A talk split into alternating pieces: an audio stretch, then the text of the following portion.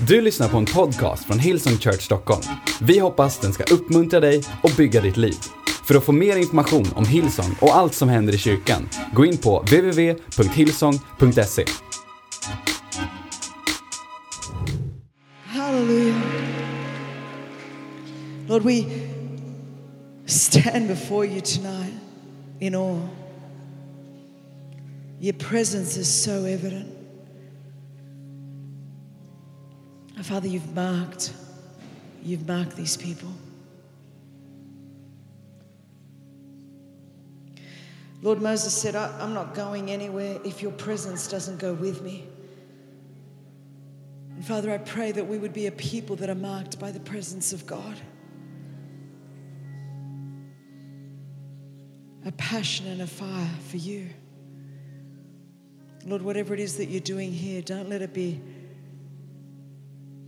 kind of halfway. Father, saturate us with your presence, drench us in your presence. Only your presence can change us, Lord. Father, let revival fire flow.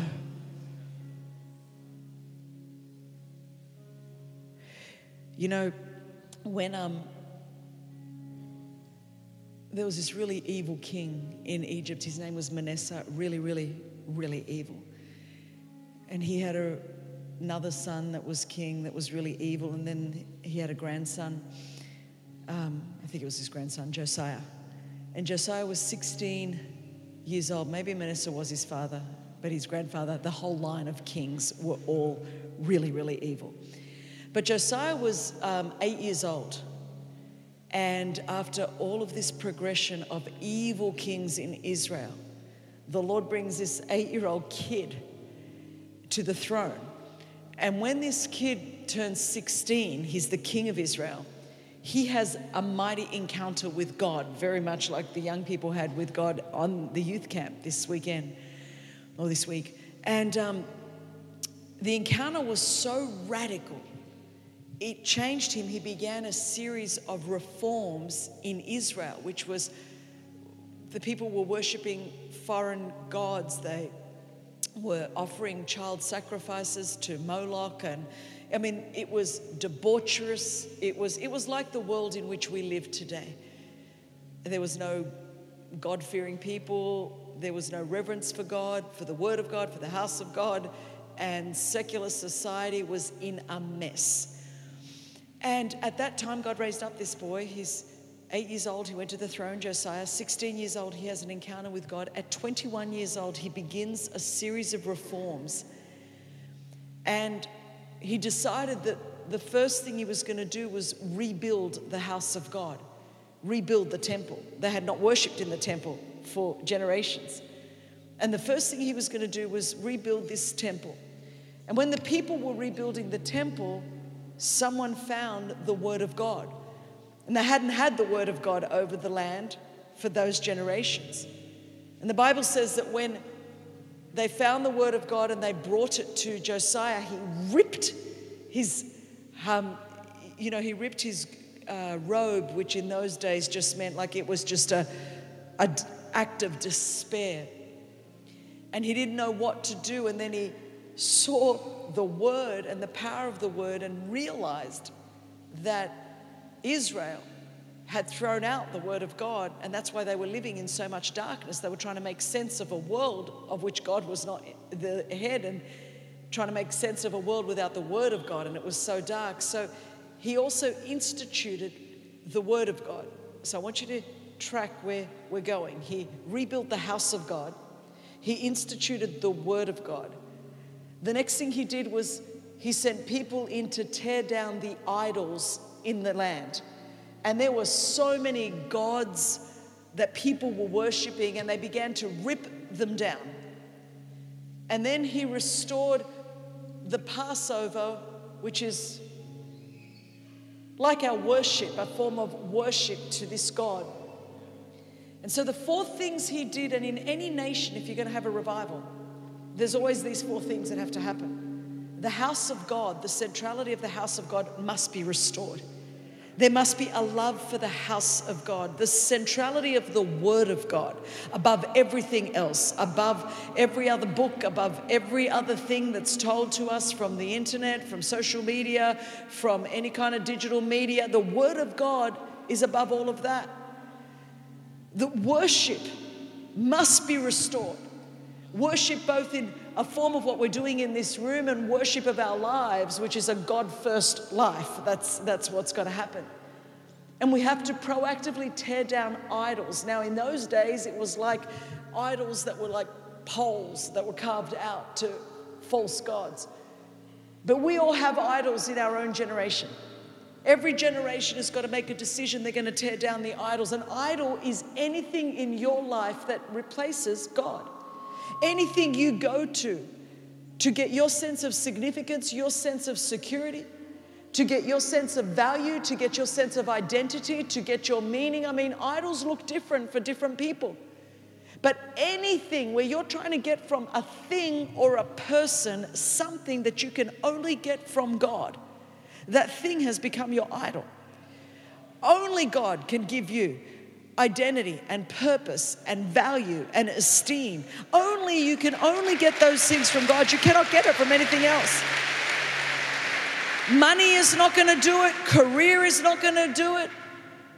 Addictions are not going to do it. Other people are not going to do it. And some of you are so frustrated because you're trying to get from people what you can only get from God. You're trying to get from things what you can only get from God. And it's time for some of those idols to go in your life where you're going to stop going to that thing to try to get value or meaning or significance or purpose or a thrill or some sense of, of, of whatever, affirmation in your own life. And so, unless you rip down the idols in your generation, then you will not see the revival that you are hungry to see. We've got to have a love for the house of God. We've got to have a love for the word of God. We've got to have a love for worship. And we've got to have a, a, a desire to rip down anything in our life that that would take the place of God in our life. Only God can be God. When you do those four things, the Bible says that Josiah saw a revival in his generation that we have never seen before since then. So we can see that kind of revival in our generation. But we need a generation of people that are hungry, that are not just singing songs, but we mean what we are singing. We're not just saying, Speak, Lord. We want Him to speak and we want to obey what the Word of God has got to say for our our life. We're not just saying, You are holy, you are mighty, but we are making Him that in our life. So I wonder in your life what idols need to be torn down tonight. What is it that you've been hanging on to that you've got to release? And you won't find freedom.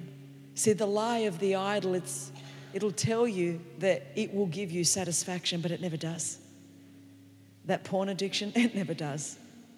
That drug addiction, that alcohol addiction, that person addicted to Tinder, swiping right, hoping the next bed you jump into is going to give you purpose.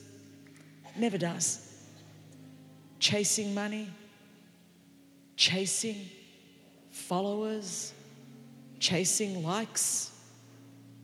You are never, ever, ever going to get your value from how many people like your post.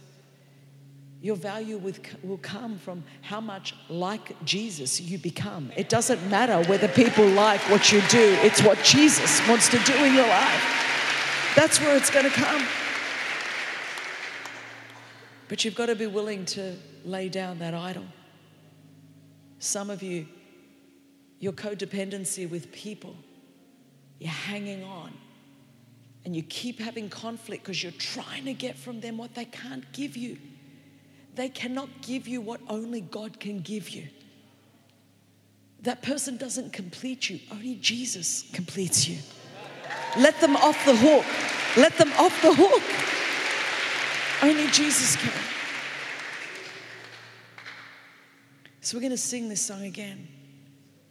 All I need is you, Lord. It's, it's, it sounds beautiful until you have to lay down the thing that's propping it up.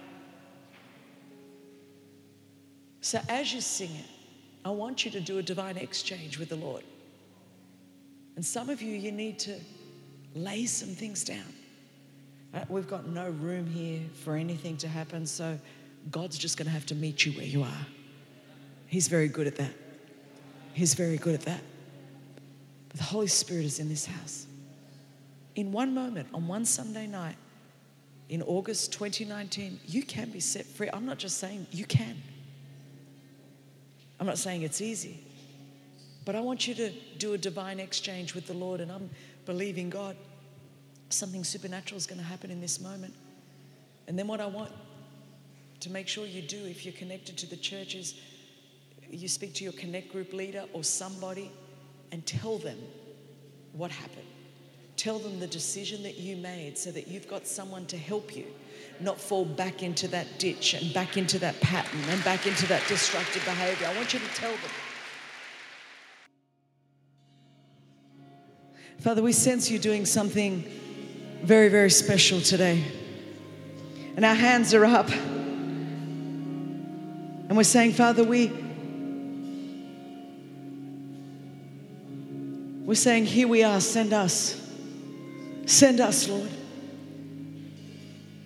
Lord, our world is so desperate and so dark, desperately needs the light of Christ. Father, let such a strong fire burn within this house. A, a passion for you, a passion for your house, a passion for your word, a passion for worship, Father, a passion for your presence, a passion for you alone.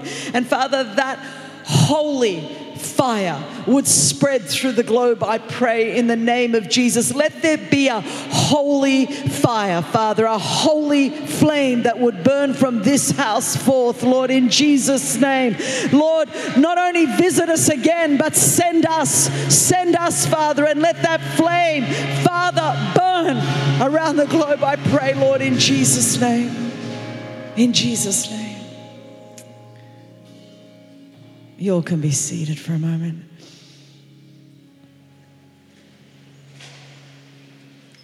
You'll, I think we're going to have like revival meetings.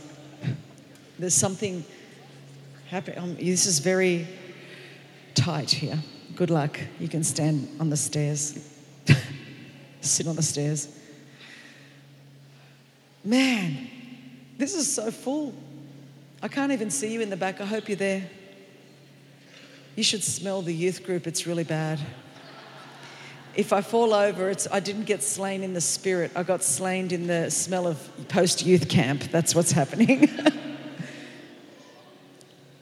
you guys are awesome. Awesome. I don't know if you've been with us. Who's been with us all day? You're going to get extra credit in heaven.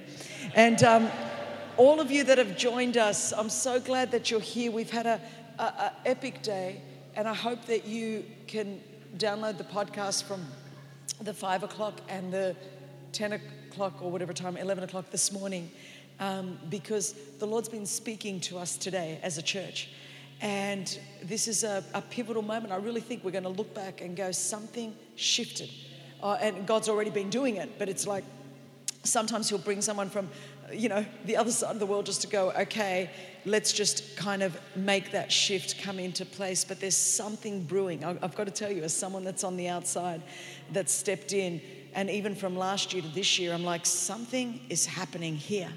And our world desperately needs it to. And uh, you need to know that. We desperately, desperately need a, a, a holy revival across the globe. And it could be just like God to go, I'm going to visit you in Sweden and do something so unique here so that you can take it to the world and see something massive happen. So I'm really excited. And this morning I talked a lot about risk. In the last service, I talked about what will it take for us to go into the promised land. So you're going to want to get that because it's five things that it's going to take for us to get into the promised land. This morning, I talked about the, just the two times that Jesus marveled and was astonished in the scripture, and they both had to do with faith the faith of the centurion that he believed God.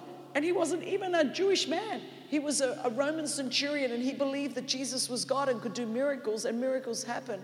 And then the unbelief of the people of God that were in the house of God, the people that grew up with Jesus, they should have expected more, but they didn't expect much. And the Bible says that Jesus couldn't do many miracles around them because they were familiar with God. And we don't want to be that kind of church. We don't want to be a kind of people that get familiar with the fact that we've packed this thing out twice on a Sunday night and that the presence of God is just so evident. And I'm telling you, the best way to lose the presence of God, the best way to lose a move of God is to become familiar with the things of God. Familiarity has killed more moves of God than anything else in history. It's a familiarity. So we don't want to be a familiar people. We want to be a desperate people, desperate for His presence, desperate for His power, desperate for His touch. We want to remain and be, be a desperate people. Now, I talked about the fact that to do that, we've got to be people that are willing to take risks and risks in our culture that really is not fully embracive of Christianity at all. You're going to have to be willing to take risks and you have to get the uh, you have to listen to the podcast i was going to say you have to get the tape because that's how old i am in the when i got saved we had cassette tapes and so um, you have to get the podcast or, or download uh, when I talked about my ski story, where I had a very big accident, ended up in hospital, and, um, and then I had to stop. And I said I might pick it up again in the seven o'clock. So I ended up in hospital because I talked about my crazy Greek mother that always said to me, if you go skiing, you'll have an accident. And so then when I went skiing and had an accident, after my surgery, my mother called me and she said, Christina, I'm so glad you had the accident because I always told you if you go skiing, you will have an accident. That's what my mother said, literally. But I was not brought up in a culture that wanted to take a lot of risks. And um, especially as a Greek girl, I was taught stay safe. As a, a victim of sexual abuse, I didn't trust very easily. And so, risk taking, which requires trust, did not come natural to me. The Bible says in the book of Proverbs, trust in the Lord with all of your heart and lean not on your own understanding. In all of your ways, acknowledge Him, and He will direct your paths. Tr- faith is not predicated on understanding, it's predicated on trust. Most Christians never step out in faith because they try to understand God rather than trust God.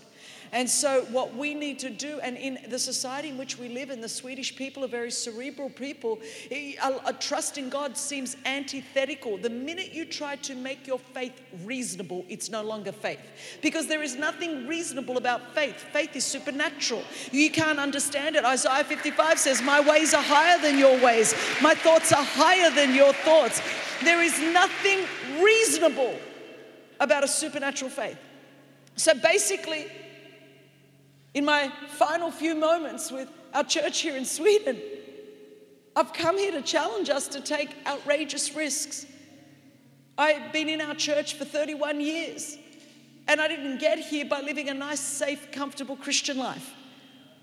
At 53, I'm living more of a life of faith and risk, not because I'm reckless, but I trust God more. Because even when people have let me down, Jesus has never let me down. Even when people have betrayed me, Jesus has never betrayed me. Even when people have failed me, Jesus has never failed me. He is worthy and He is faithful. So when we sing, All I Need Is You, Lord, you need that a whole lot more than you even realize. and the older you get, the more you realize, whew, it's true. Because a whole lot of people are going to let me down along the way. More than anyone, I'll probably let myself down more than anybody. But if we want Jesus to work through our lives, what, what we have to understand, and even young people, the Bible tells us in the book of James that life is but a vapor. We're here today, we're gone tomorrow. Now, when you're young, you think, no, Christine, you're 53, you're old, we live forever. That's not it. Life is but a vapor. Every day matters, every second matters. We're here today, we're gone tomorrow, and Sometimes we try to live so safe. Man, if I just get the right job and I have the right income and I have the right um, security and I have the right bank account and I live in the right area, as if somehow the goal of our Christian life is safety and comfort. Jesus Christ did not come from heaven to earth, die on a cross, and rise again from the dead to make us safe. He came to make us dangerous to the kingdom of darkness. He came so that we could establish the light and the life and the hope of the Lord Jesus Christ. He didn't come to make us safe. I mean, safety is absurd. George Bernard Shaw said, Death is the ultimate statistic. One out of one will die. I bet you're glad you came to church tonight, aren't you? One out of one will die. I don't want Christians go, oh, I might die. You will. Just live long enough. It happens to everyone. I don't know anyone that's ever got out of life alive. And the purpose of life is not that I come to the grave safely. Oh, I'm about to die. I'm going to fall into the grave safely. At least I was safe to get there. I mean, how absurd is our thinking? The issue is not whether you're going to die, we're all going to die. The issue is, are you going to live the life that Jesus Christ put you on this earth to live? Are you going to fulfill your God given purpose? Are you going to fulfill your God given destiny? Listen, nothing is safe. Living is risky, woven into the very fabric of our being is our finiteness. God is infinite, we are finite. Man, if you're trying to avoid risk, I don't know where you're going to end up. Risk, I, you know, I, I fly 300,000 miles a year. It's what I do to do what I do. Now, I remember we were flying from Raleigh, from Chicago to Raleigh, North Carolina in America, and um, I was on a plane, and Nick was sitting next to me, and we get up, and after a few minutes, the pilot comes over the loudspeaker and he goes, Ladies and gentlemen, there is no need to panic. To which I was thinking, I wasn't panicking until you made that statement over the loudspeaker. This is what he said. He said, We cannot get the landing gear up. We don't know what is still attached. We are not going to make it to Raleigh. We're going to turn around and try to land in Chicago. Now, listen, when you're at 35,000 feet, there's certain phrases you don't want to hear. One of them is try to land. That is not what you want to hear. Now, at that moment, I remember, like, I mean, the spirit of atheism left that aeroplane. I could hear people from the front to the back, everyone was praying Muhammad, Buddha, Allah, Mary, Jesus, the donkey, everybody. It was like everything. It was awesome. I said to Nick, everyone's hoping there's somebody right now. But you know what I realized that day? I realized that flying is risky. So, what am I going to do? Never do it? I, I was in Indonesia speaking, and they tried to bomb the Australian embassy. The building next door to the Australian embassy was a nine story building. I was the last person that spoke. I spoke in that building. I left the building at 11:38 that night. And Nick and I drove to the airport in Jakarta. And then I'm watching on CNN News at the airport the building that I had just spoken in bombed to the ground. You know what I've discovered being an evangelist in the 21st century? It's, it, it's risky. So, what do you do?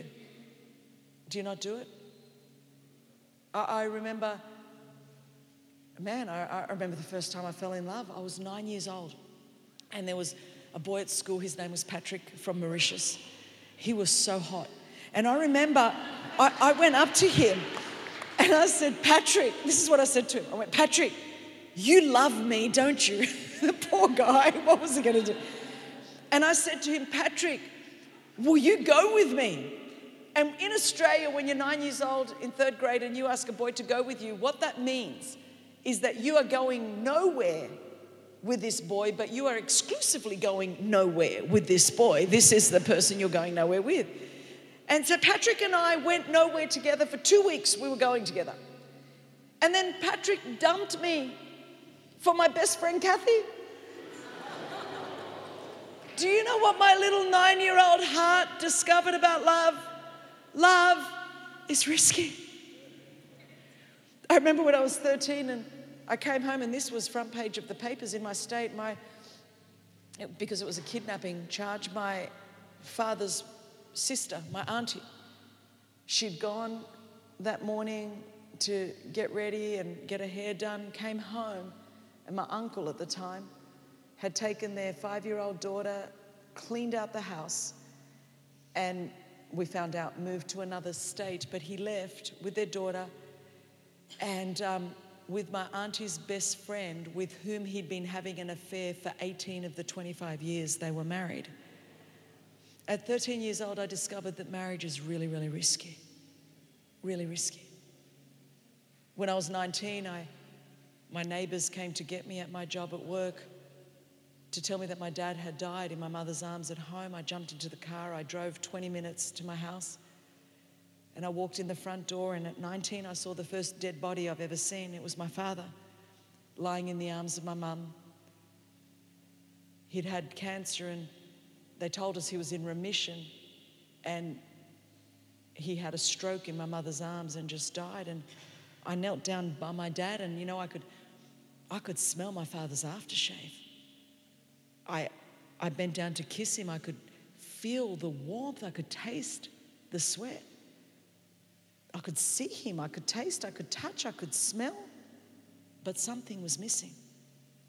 And at 19 years old, I knew that life is terminal, life is finite, that life is but a vapor, and that death comes to all of us. And I realized that we cannot escape risk so long as we are alive on this earth. So, where the enemy comes with a spirit of fear to try to make us live safe, comfortable, risk free lives, it is just a lie of the enemy. That's why the Lord said, I've not given you a spirit of fear, but of love, power, and a sound mind. Fear cripples us, fear paralyzes us, fear makes us stop stepping into the fullness of the life that God has for us, fearing what people think, fearing about what we're going to have. And fear makes us live so far beneath what God has for us.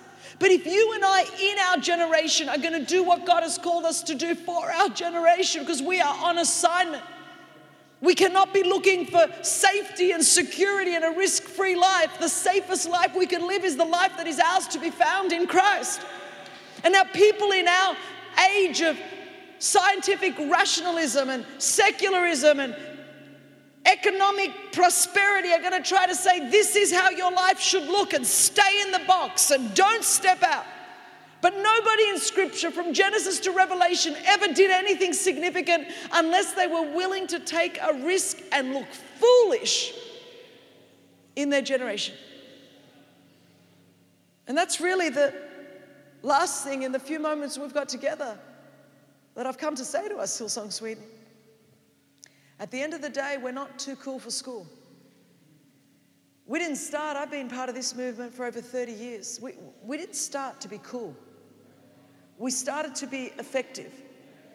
You have to understand that unless we are willing to look like fools in our generation, people won't understand radical faith. They just don't. Because it's always countercultural. The day too many people start thinking we are too cool, we're doing something wrong. now, I'm not talking about being a super Fruit Loop weirdo either. That's not what I'm talking about. But I am talking about being countercultural.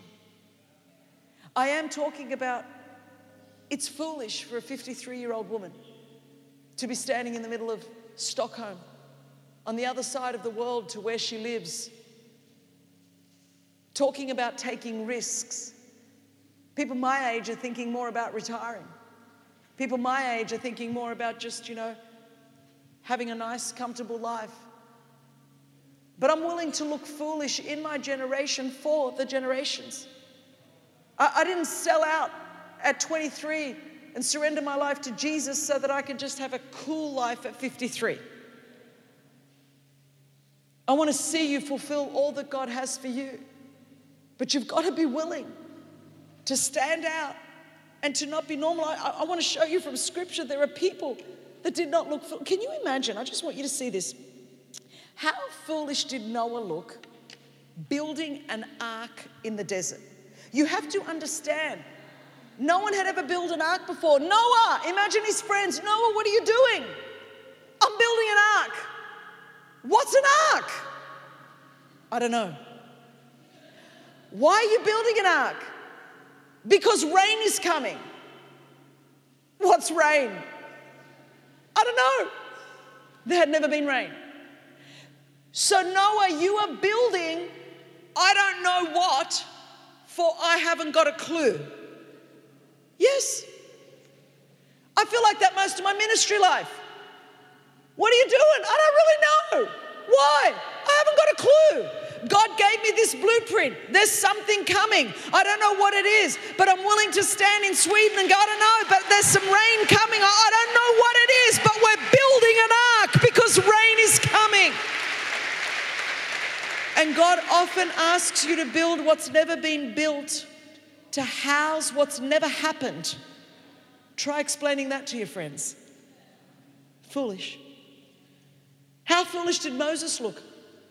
He's got the Egyptian army behind him. He's got a million Israelites and the Red Sea in front of him. And imagine all the Israelites, Moses, what are we going to do? I don't know. I've got a stick. And most of us, the things we confront in our life, I don't know. I've got a stick. I've got a word from God. He's the one that's going to part the Red Sea. I know I look like an idiot. I know there's a Red Sea in front of me. When we started A21, Christine, what are you going to do? 40 million slaves. I, I don't know. I've got a stick.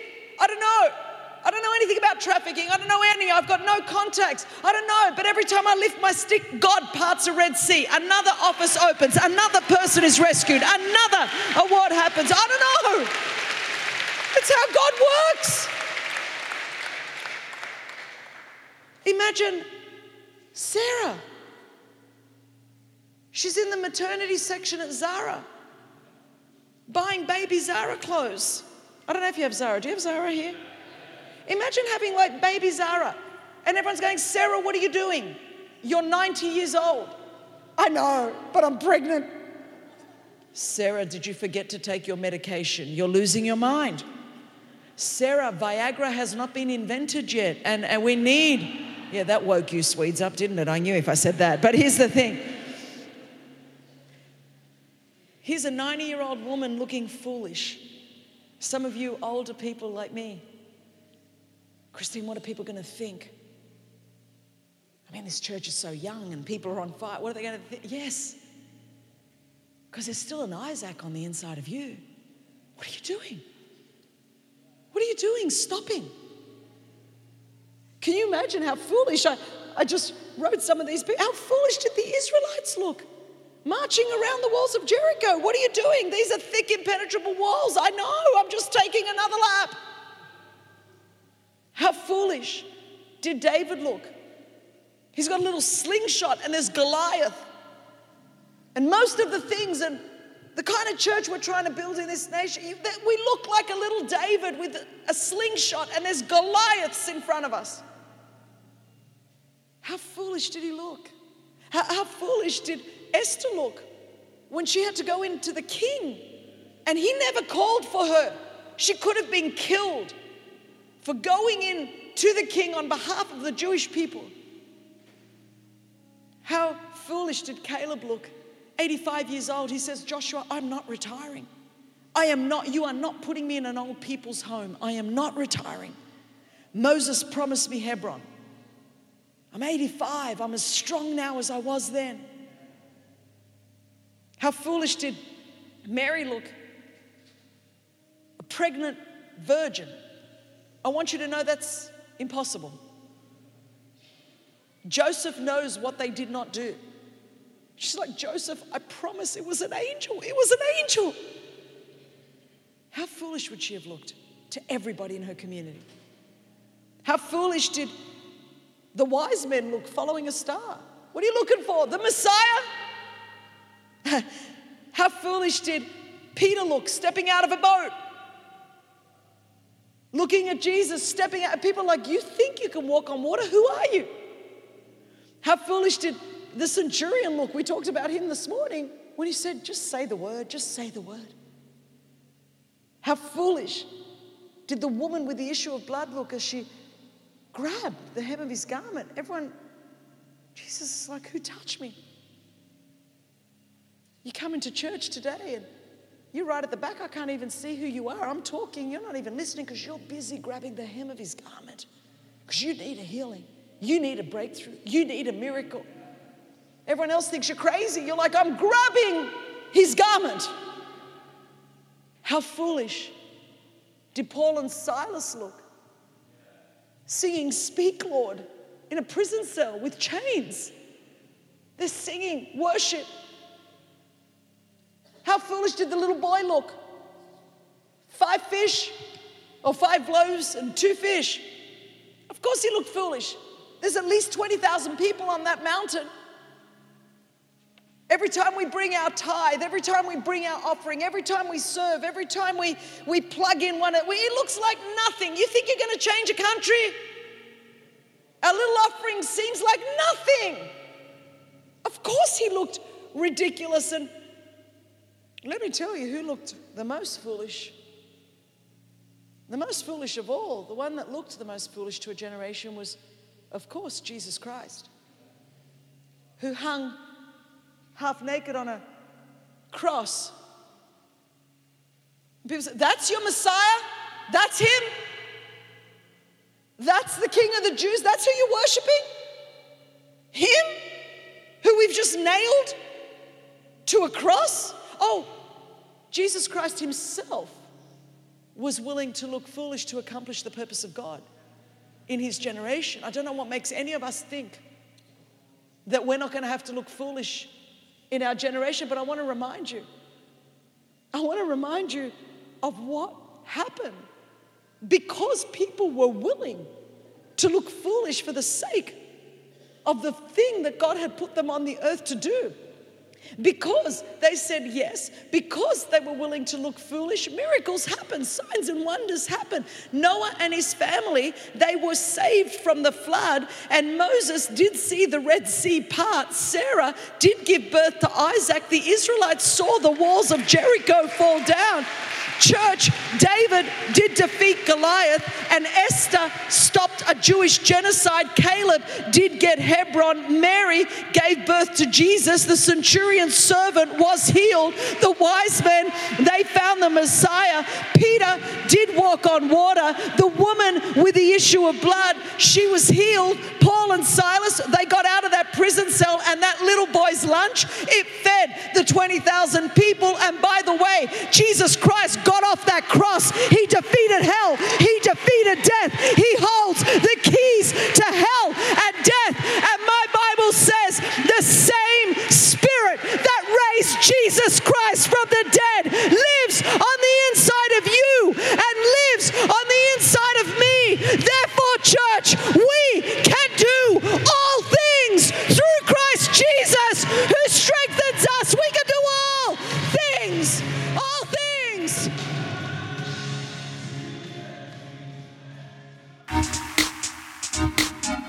Du har lyssnat till en podcast från Hillsong Church Stockholm.